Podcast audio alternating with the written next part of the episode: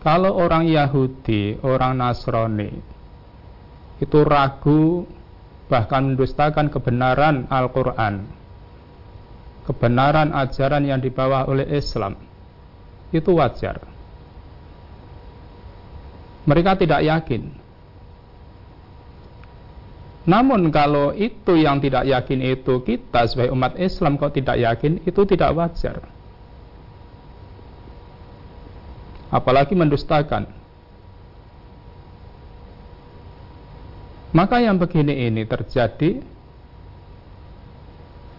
karena kita kurang mempelajari apa yang diajarkan oleh Al-Quran, kurang mempelajari apa yang diajarkan oleh sunnah-sunnah Rasulullah SAW.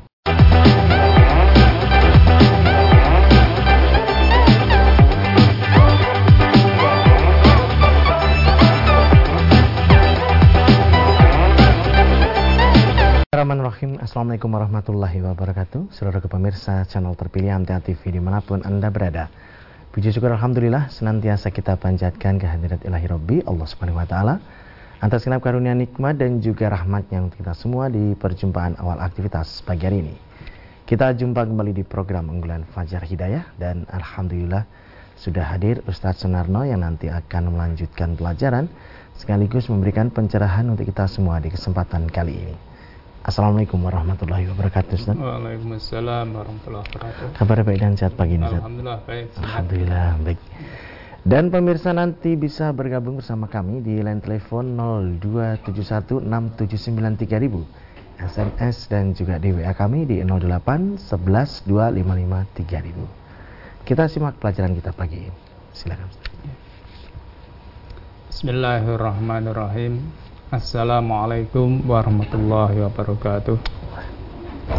Alhamdulillahi rabbil alamin. Nahmaduhu wa nasta'inuhu wa nastaghfiruh. Wa na'udhu billahi min syurri anfusina wa min sayyati amalina. Asyhadu an la ilaha illallah wa la syarika lah.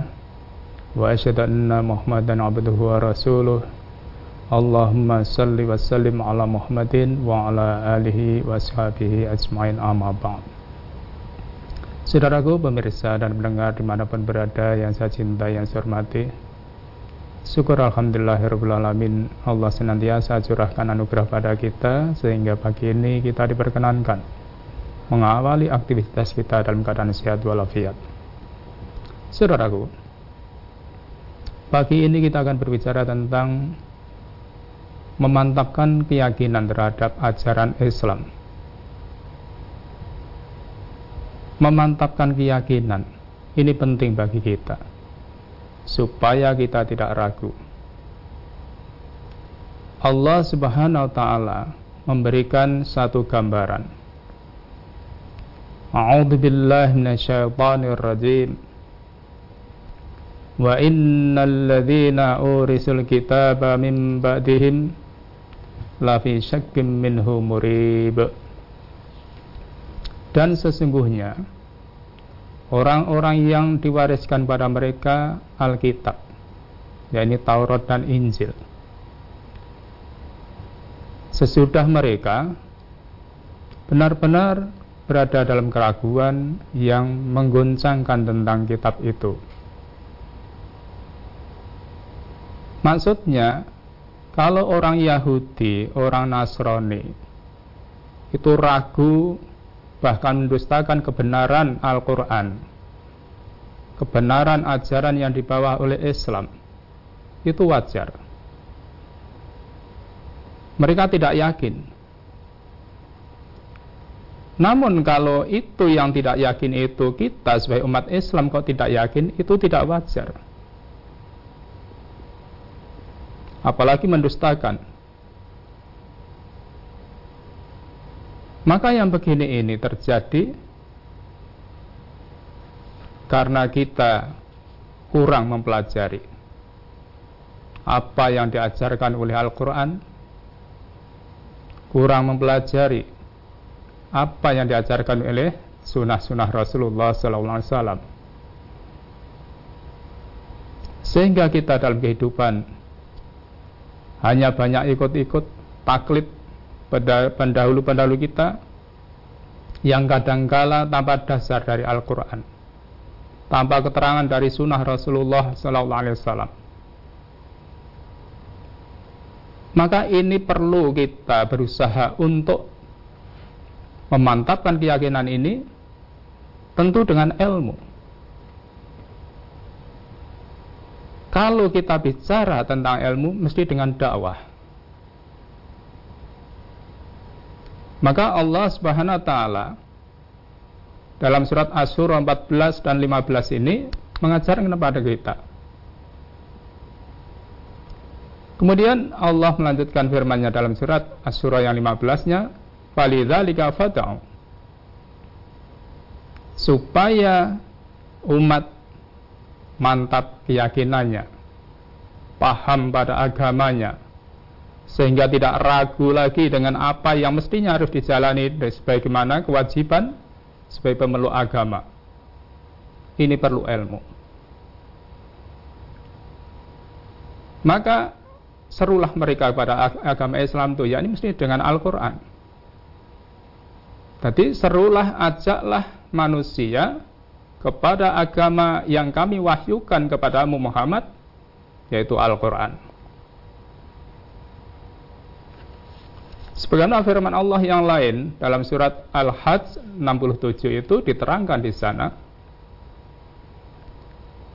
Wad'u ila rabbika innaka la'ala hudam mustaqim. Ajaklah mereka. Ajaklah umat, serulah umat kepada jalan Tuhanmu. Pada Islam. Sesungguhnya kamu benar-benar berada dalam jalan yang lurus Maka Allah memantapkan kita. Kita sebagai orang Islam yang berpegang teguh pada Quran dan Sunnah ini harus yakin karena kita benar-benar dalam jalan yang lurus. Ini dalam rangka untuk meningkatkan keyakinan kita. Karena dari Al-Quran itulah yang memberikan petunjuk kehidupan kita, yang menuntun kehidupan kita menuju pada keselamatan hidup, baik itu dunia maupun akhirat. Dan juga dalam surat Qasas 87 itu Allah juga mengingatkan Wad'u ila rabbika wa la takunanna minal musyrikin dan serulah mereka umat kepada jalan Tuhanmu Islam dan janganlah sekali-kali kamu termasuk orang-orang yang mempersekutukan Tuhan. Maksudnya apa? Kita dalam menyeru agama, menyeru pada Al-Quran, jangan takut pada manusia, takutlah pada Allah. Karena kalau kita itu takut pada manusia sehingga tidak menyampaikan kewajiban kita dalam menyampaikan risalah Allah dan Rasulnya ini berarti kita takut pada manusia. Dan itu termasuk mensekutukan Allah. Maka ini harus kita perhatikan untuk diri kita. Kemudian Allah melanjutkan firman-Nya, "Wastaqim kama umirta." Dan tetaplah sebagaimana diperintahkan kepadamu, tetap lurus, tetap istiqomah. Karena kalau kita istiqomah dalam menjalani ajaran-ajaran agama Allah ini dan istiqomah menjaga akidah kita, istiqomah menjaga ibadah kita dan membaguskan akhlak kita. Karena itu memang yang diperintahkan oleh agama kita yang diperintahkan oleh Allah dan diperintahkan oleh Rasulullah Muhammad sallallahu alaihi wasallam. Wala tattabi' ahwa'ahum dan janganlah kamu mengikuti hawa nafsu mereka. Karena hawa nafsu itu pasti kecenderungannya tidak mau mengikuti petunjuk. Maka kita diarahkan jangan mengikuti jejak orang-orang yang dalam hidup baik itu cara pola hidupnya, cara beragamanya hanya mengikuti hawa nafsu. Namun kalau kita sebagai orang muslim tata cara hidup kita, beragama kita harus betul-betul dituntun petunjuk-petunjuk yang sudah Allah ajarkan pada kita. Karena bagaimanapun kalau kita mengikuti petunjuk-petunjuk, insya Allah kita akan selamat. Baik itu sejak di dunia ini maupun di akhirat kelak. Maka dalam hadis riwayat Nasai nomor 1287 Nabi kita Muhammad SAW mengajarkan doa. An Sadat bin Al-Ausi anna Rasulullah sallallahu alaihi wasallam kana yaqulu fi salatihi. Dari Sadat bin Aus bahwa Rasulullah sallallahu alaihi wasallam selalu berdoa dalam salatnya. Allahumma inni as'aluka sabata fil amri Ya Allah, aku memohon keteguhan dalam menghadapi semua urusan. Teguh pendirian, teguh keyakinan. Karena keteguhan dalam menjalani kehidupan ini, baik di dunia ini maupun kita, keteguhan dalam menjalankan keyakinan kita, mempertahankan akidah kita, menjalankan ibadah kita. Ini akan terwujud apabila kita berpegang teguh pada petunjuk-petunjuk Al-Quran dan Sunnah. Serta bergaul dengan orang-orang yang berpegang teguh pada petunjuk-petunjuk Allah dan Rasulnya. Maka doa harus diurungi usaha. Maka ini penting bagi kehidupan kita sehingga kita dalam kehidupan tidak mudah terpengaruh Karena bagaimanapun hidup ini berebut pengaruh. Maka perlu adanya keteguhan dalam hidup kita masing-masing.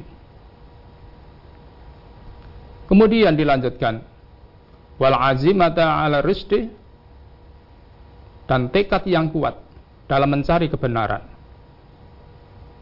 Kita tetap bersemangat dalam mencari kebenaran, belajar agama, karena itu usaha kita dalam rangka supaya hidup kita ini selalu lurus dalam petunjuk-petunjuk yang benar. Namun semangat yang kuat, tekad yang kuat ini akan muncul pada diri kita kalau kita selalu dalam ketaatan dan istiqomah dalam menjali ketaatan itu. Ini pentingnya untuk kita. Namun kalau kita sudah maksiat, tekad yang kuat itu mesti akan kendor. Kalau kita sudah menyimpang dari jalan yang lurus, tekad yang kuat, kekuatan, semangat, itu akan luntur. Maka mari kita selalu dalam ketaatan, sehingga kita selalu semangat, punya tekad yang kuat dalam menjalin petunjuk-petunjuk agama ini. Kemudian dilanjutkan wa as'aluka syukra nikmatika wa husna ibadatika. Ya Allah, aku mohon kepadamu untuk senantiasa mensyukuri nikmatmu dan juga untuk bisa memperbagus ibadahku kepadamu ya Allah. Betapa luar biasa nikmat yang Allah anugerahkan pada kita. Nikmat jasmaniyah, nikmat rohaniyah, maka tiada perilaku yang wajib kita lakukan kecuali hanya meningkatkan syukur kita kepada Allah SWT. Dan kita berusaha memperbagus ibadah kita. Terus kita tingkatkan ibadah kita. Kalau yang wajib sudah tertib, tingkatkan lagi kita menjalankan sholat sunnahnya. Karena bagaimanapun kita sadar, hidup kita ini semakin tua, semakin dekat pada tujuan yang pasti kita akan sampai padanya, yaitu kematian. Maka ini yang perlu kita perhatikan pada hidup kita masing-masing. Kemudian dilanjutkan wa as'aluka qalban saliman wa lisanan. Ya Allah, aku mohon semoga diberi pertolongan. Mempunyai hati yang selamat. Lesan yang senantiasa bicara benar. Karena hati dan lesan tidak bisa dipisahkan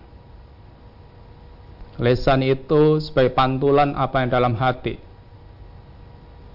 maka supaya kita selamat hati kita selamat dari kemusyrikan selamat dari bentuk kesombongan, selamat dari riak, keangkuhan, kedengkian, dan lain-lain penyakit-penyakit hati yang lain.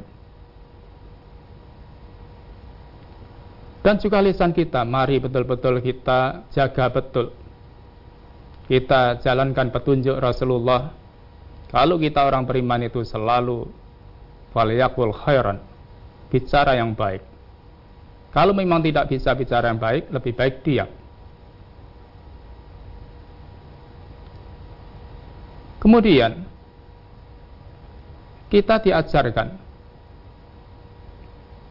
termasuk was'as aluka min khairi ma ta'lamu wa bika min syarri ma la ta'lamu. Ya Allah, saya mohon pada Engkau ya Allah selalu mohon kebaikan-kebaikan dan kita berlindung daripada keburukan-keburukan dalam kehidupan ini. Karena tidak ada yang memberikan kekuatan kita untuk menjalani kebaikan kecuali hanya Allah. Dan tidak ada yang bisa melindungi kita terhindar dari keburukan-keburukan kecuali hanya Allah. Maka kita selalu bersandar dan memohon pada Allah. Kemudian ditutup wa astaghfiruka lima ta'lamu. Ta dan saya mohon ampun ya Allah kalau ada kekeliruan, ada kesalahan, ada kekurangan, ada kekhilafan dalam menjalani kehidupan ini. Karena bagaimanapun kita banyak lupa, banyak salah. Maka kita memperbanyak istighfar kita pada Allah SWT. Maka yang demikian ini, insya Allah kita dalam menjalani hidup penuh dengan kemantapan hati karena kita bersandar pada yang maha pencipta yakni Allah SWT kita berusaha mengikuti petunjuk-petunjuknya sehingga kita dalam menjalani hidup ini semoga sampai akhir hayat kita nanti senantiasa diberikan bimbingan sehingga kita mengarah pada kehidupan yang maslahat baik dunia maupun akhirat saudaraku Begitu, semoga bermanfaat untuk kita bersama. Terima kasih. Ya. Baik pemirsa, kami harapkan Anda bisa bergabung bersama kami di line telepon 02716793000, SMS dan juga di WA kami di 08 11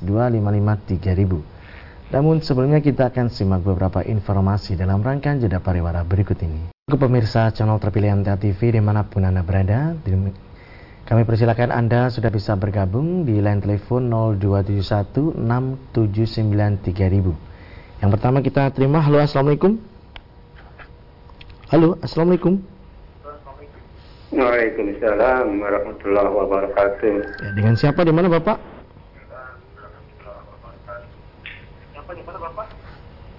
Pak Hadi Palembang. Ya, silakan Pak Hadi. Assalamualaikum Ustaz Mustami. Waalaikumsalam warahmatullahi wabarakatuh. Monggo Bapak Ati di Palembang.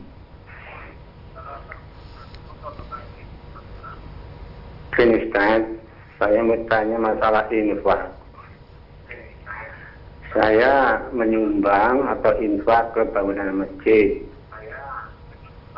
senilai 100 ribu lah. Lalu saya minta kepada panitia suruh diumumkan di hari Jumat. Tujuan saya itu supaya ditiru oleh orang-orang banyak. Yang menjadi pertanyaan ada dua. Bagaimana infak saya itu apa termasuk ria Pak Ustaz? Sebagaimana yang diriwayatkan dalam surat Al-Ma'un ayat 6. Yang kedua, bagaimana kedudukan infak saya karena saya tidak berzakat. Karena di tempat saya itu saya nilai ada orang miskin, jadi saya nggak berzakat. Mohon penjelasannya, terima kasih. Wassalamualaikum warahmatullahi wabarakatuh. Waalaikumsalam warahmatullahi wabarakatuh. Jadi Bapak Ati ya. Jadi kalau kita itu mengeluarkan harta benda kita atau infak entah di masjid atau di mana. Jadi yang pertama itu dalam rangka untuk menjaga keikhlasan. Allah berfirman di antaranya kita dalam berinfak itu alladzina yunfiquna fis apa itu sirri wal ananiyah. Siri itu rahasia, alaniyah terang-terangan. Jadi Allah sudah memberikan pengarahan. Di mana kita harus sir, di mana harus terang-terangan. Di mana yang boleh diketahui secara umum, di mana yang tidak boleh diketahui secara umum. Namun ini kita juga perlu paham, hati kita lah yang paling tahu bagaimana kita mengeluarkan infak itu. Jadi kalau kita infak di masjid umpamanya, apalagi kita yang minta untuk diumumkan supaya ditiru, itu saya pikir tidak perlu Bapak. Dan itu tidak perlu, itu rawan Bapak. Karena kalau kita itu mengajak umat untuk infak itu ilmu dulu yang perlu didahulukan. Ilmunya dulu. Kalau sudah mengerti wajibannya sebagai orang Islam, Kalau orang Islam, orang beriman itu di antara ciri khasnya wa mimma razaqnahum yunfiqun. Kalau mereka nanti sudah paham, mereka akan mengeluarkan. Maka untuk lebih selamat kalau kita infak paman di masjid nggak usah minta untuk diumumkan. Karena kalau kita itu infak yang alaniyah terang-terangan boleh memang boleh. Namun keperluannya tentu kan kita lihat. Umpamanya di masjid itu ada pembangunan apa yang perlu di entah direnovasi atau lain. Panitia masjid mengumumkan kemudian kita ya saya lima semen lima sak semen. Itu terang-terangan boleh karena itu umum. Umum nggak masalah. Namun kalau yang perlu diperhatikan dalam hal infak-infak yang lain, itu lebih selamat kalau kita itu tidak usah diumumkan. Kemudian yang kedua, infak tapi tidak berzakat. Itu terbalik Bapak. Kita harus zakat itu kewajiban. Karena antara zakat dan infak berbeda. Zakat itu suatu kewajiban yang tidak boleh ditinggalkan bagi setiap orang yang mengaku orang Islam. Karena setiap orang yang sholat pasti zakat. Karena perintahnya tidak terpisah. Yuqimuna sholah wa yu'tuna zakah. Itu selalu begitu. Dan zakat itu hakikatnya bukan milik kita. Zakat itu bukan milik kita. Maka kalau kita itu menahan zakat berarti menahan bukan miliknya. Bukan miliknya. Karena zakat itu haknya delapan asnaf yang wajib ditunaikan. Berbeda dengan infak. Kalau infak itu milik kita pribadi. Maka maaf, kalau kita zakat itu kita belum menunaikan sebagai orang yang berinfak. Belum. Jadi kalau zakat itu berbeda dengan infak. Lah kalau infak itu kan milik pribadi. Sehingga kita mengeluarkan harta pribadi kita untuk infak sodakoh, atau yang lain. Maka kalau kita ini mengeluarkan zakat, itu hakikatnya yang kita keluarkan bukan milik kita. Memang harus dikeluarkan. Kalau tidak dikeluarkan dosa kita. Lah kalau infak, infak itu kadangkala bisa wajib, bisa sunnah. Wajib umpamanya infak untuk menanggulangi bencana. Kita ikut infak mengeluarkan sebagian harta kita. Kita urun berapa yang kita punya. Itu infak. Atau kita sodako termasuk infak pada masjid tadi itu harta kita sendiri jadi berbeda Bapak maka kita harus bisa paham tentang antara infak dan zakat ini. Begitu Bapak, semoga bisa dipahami. Ya, baik. Kita bacakan yang ada di SMS dan WA Ustaz. Dari Bapak Tri yang ada di Karanganyar menanyakan, Ustadz, anak yang baru lahir di dekatnya dikasih gunting, pengilon atau cermin dan jungkat atau sisir Apakah yang demikian termasuk kemusyrikan Ustaz? Mohon tausiahnya. Ya. Jadi Bapak Tri ya di Karanganyar ya. Jadi kalau kita seorang muslim tidak perlu begitu Bapak. Kalau kita seorang Islam, seorang muslim dan itu tidak boleh. Karena itu bentuk perilaku syirik. Kenapa? Karena kita meminta penjagaan pada sesuatu yang tidak bisa memberikan apa-apa. Itu mesti mengandung keyakinan.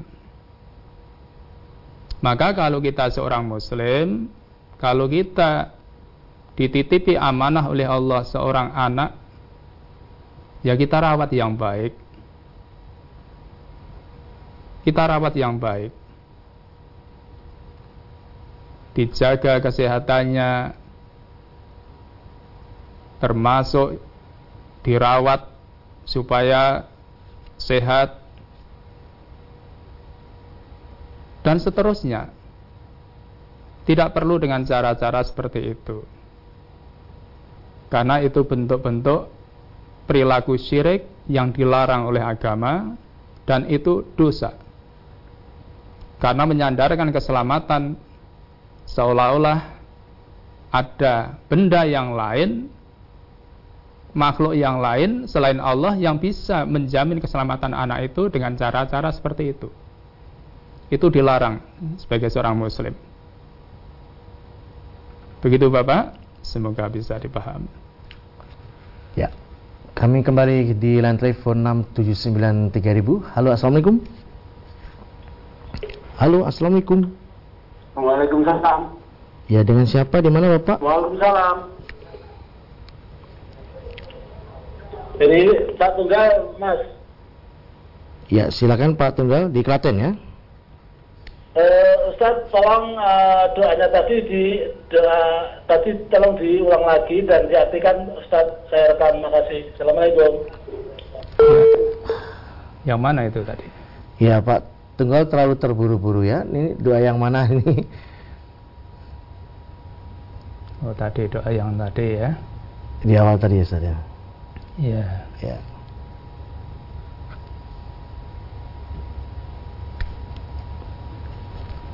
Jadi Bapak ya, saya baca ya.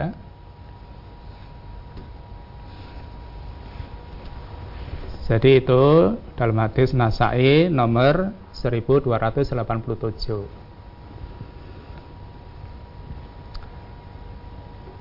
An Sadat bin al-Ausi anna Rasulullah sallallahu alaihi wasallam kana yaqulu fi salatihi dari Sadat bin Aus bahwa Rasulullah sallallahu alaihi wasallam di dalam salatnya berdoa Allahumma inni as'aluka sabata fil amri Ya Allah, aku memohon keteguhan dalam menghadapi semua urusan.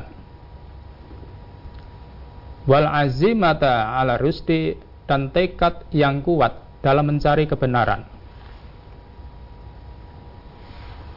Wa as'aluka syukra nikmatika wa husna ibadatika. Dan aku mohon pertolongan untuk senantiasa bisa mensyukuri nikmat engkau dan memperbagus ibadahku pada engkau. Wa as'aluka qalban saliman wa lisanan sadiqan. Aku mohon pertolongan pada engkau untuk diberikan hati yang selamat lesan yang senantiasa benar dalam bicara wa as'aluka min khairi ma ta'lamu wa a'udzubika min syarri ma la ta'lam ma ta'lamu Aku mohon pertolongan pada engkau untuk diberikan kebaikan-kebaikan dan berlindung pada engkau dari keburukan-keburukan.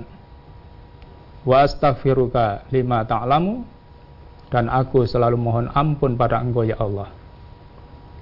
Hadis Sirat Nasai nomor 1287. Begitu Bapak, semoga bisa ditangkap dengan baik. Ya. Kita lanjutkan yang ada di SMS dan WA Ustaz. Berikutnya dari Bapak Rianto di Banjarnegara. Ada dua pertanyaan. Yang pertama, ada orang meninggal yang dulunya sholat, tetapi akhir-akhir sebelum beliau meninggal itu karena sepuh, beliau tidak sholat. Apakah yang demikian boleh disolati Ustaz? Yang kedua, saya sudah mengaji Ustaz tetapi saya masih mudah terpancing emosi dan marah. Saya selalu beristighfar setelah amarah saya terkendali. Apakah saya terkena ayat Ali Imran surat Ali Imran ayat 134 orang yang belum bertakwa Ustaz karena saya belum bisa menahan amarah demikian. Iya. Jadi yang pertama Bapak ya, jadi kalau ada orang yang meninggal dulunya sholat. Namun karena sudah sepuh ya karena kurang kepahaman saja. Atau barangkali keluarganya kurang perhatian untuk mengingatkan apalagi sedang sakit kemudian tidak menjalankan sholatnya karena ketidakketahuannya. Nah kalau yang seperti itu tetap kita sholatkan karena beliau orang muslim, orang Islam. Karena ketika siatnya sholat itu yang pertama. Kemudian yang kedua, kita sudah ngaji tadi ya, tapi belum bisa mengendalikan emosi. Padahal ngaji itu di antaranya ajarannya untuk bisa mengendalikan emosi. Itu ciri khas orang bertakwa. Mengendalikan marah. Maka kita berusaha. Harus berusaha sekuat mungkin untuk bisa mengendalikan marah. Jangan mudah terpancing. Karena marah itu apa pun itu tidak menyelesaikan masalah. Maka Allah menuntun jangan mudah marah. Maka kalimatnya wal kadhi minal itu menahan marah. Kalau Nabi mengajarkan laisya syadid bisur'ah. Orang yang kuat itu bukan orang yang kuat gulat. walakin asyadid alladhi yamliku nafsahu idha ghadab. Orang yang kuat itu orang yang bisa menahan marah orang yang bisa menarah jadi ditahan marahnya tidak dilampiaskan. Baik dengan kata-kata maupun dengan perbuatan yang akhirnya nanti akan merugikan diri sendiri dan orang lain. Maka nanti kalau sudah reda menyesal. Menyesal. Maka kita sebagai orang muslim untuk membiasakan diri jangan mudah terpancing marah baik itu kita sebagai suami menghadapi istri sebagai orang tua menghadapi anak atau masalah-masalah yang lain maka kita insya Allah kalau bisa mengendalikan marah itu termasuk orang yang bertakwa namun kalau tidak bisa mengendalikan marah, ya belum, belum masuk kita. Terus harus kita tingkatkan lagi. Begitu Bapak, semoga bisa dipahami. Ya. Satu lagi Ustaz yang ada di SMS dan WA dari Bapak Marianto di Sumedang, Jawa Barat. Apakah sholat Rabu Wakasan di bulan Safar itu ada tuntunan dari Rasulullah Ustaz? Mohon tausiahnya. Jadi Bapak ya, sholat Rabu Hasan. Saya belum tahu itu ya Bapak ya. Namanya aja asing. Yang jelas Bapak ya, sholat itu adalah syariat yang diajarkan oleh Islam. Jadi kalau kita menjalankan sholat yang jelas sudah ada tuntunannya kita tertibkan sholat lima waktu kita yang wajib. Kemudian kalau kita akan menjalankan tatawu yang jelas-jelas sudah ada ilmunya. Karena kita tidak boleh menjalankan sesuatu yang kita tanpa ilmu. Itu dilarang.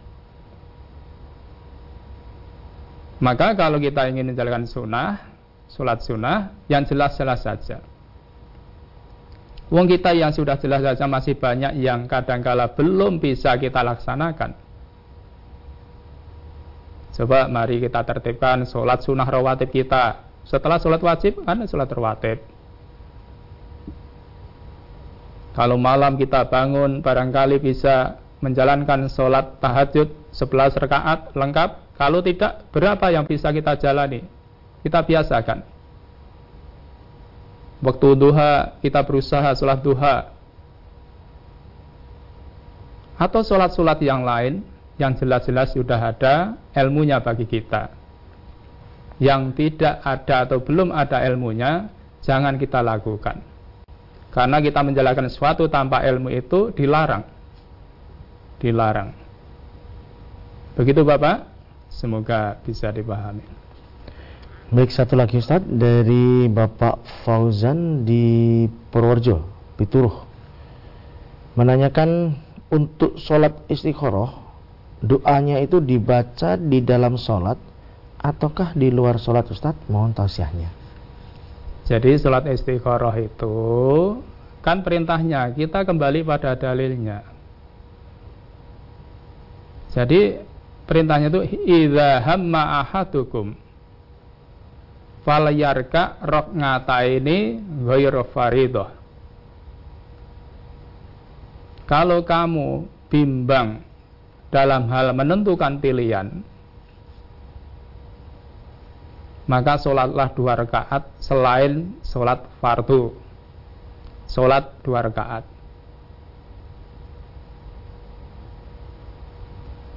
kemudian baru kita berdoa lah berdoanya berarti setelah sholat. Setelah sholat.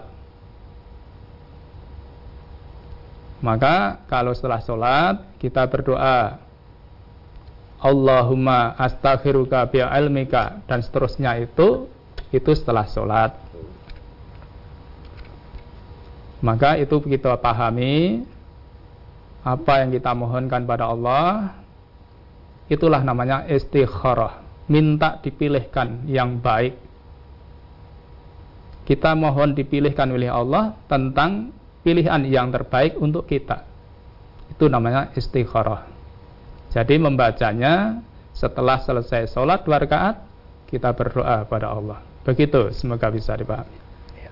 ya. Baik Ustaz, sekiranya sudah di penghujung perjumpaan kali ini, ada yang bisa sampaikan sebagai nasihat silahkan Ustaz. Iya. Saudaraku, pemirsa dan pendengar di mana pun berada yang saya cintai, yang saya hormati, jadi kita sangat berkepentingan untuk memantapkan keyakinan kita dalam beragama ini. Kita tidak boleh ragu. Kalau orang luar itu ragu dengan ajaran Islam itu wajar. Namun kalau kita sebagai orang muslim kok ragu dengan ajarannya sendiri, itu tidak wajar maka kita mari kita tekuni apa yang kita yakini dari Islam ini. Kita tingkatkan pemahaman kita. Kita tingkatkan pengamalan kita dengan penuh keyakinan. Karena itulah yang akan menjamin keselamatan kita.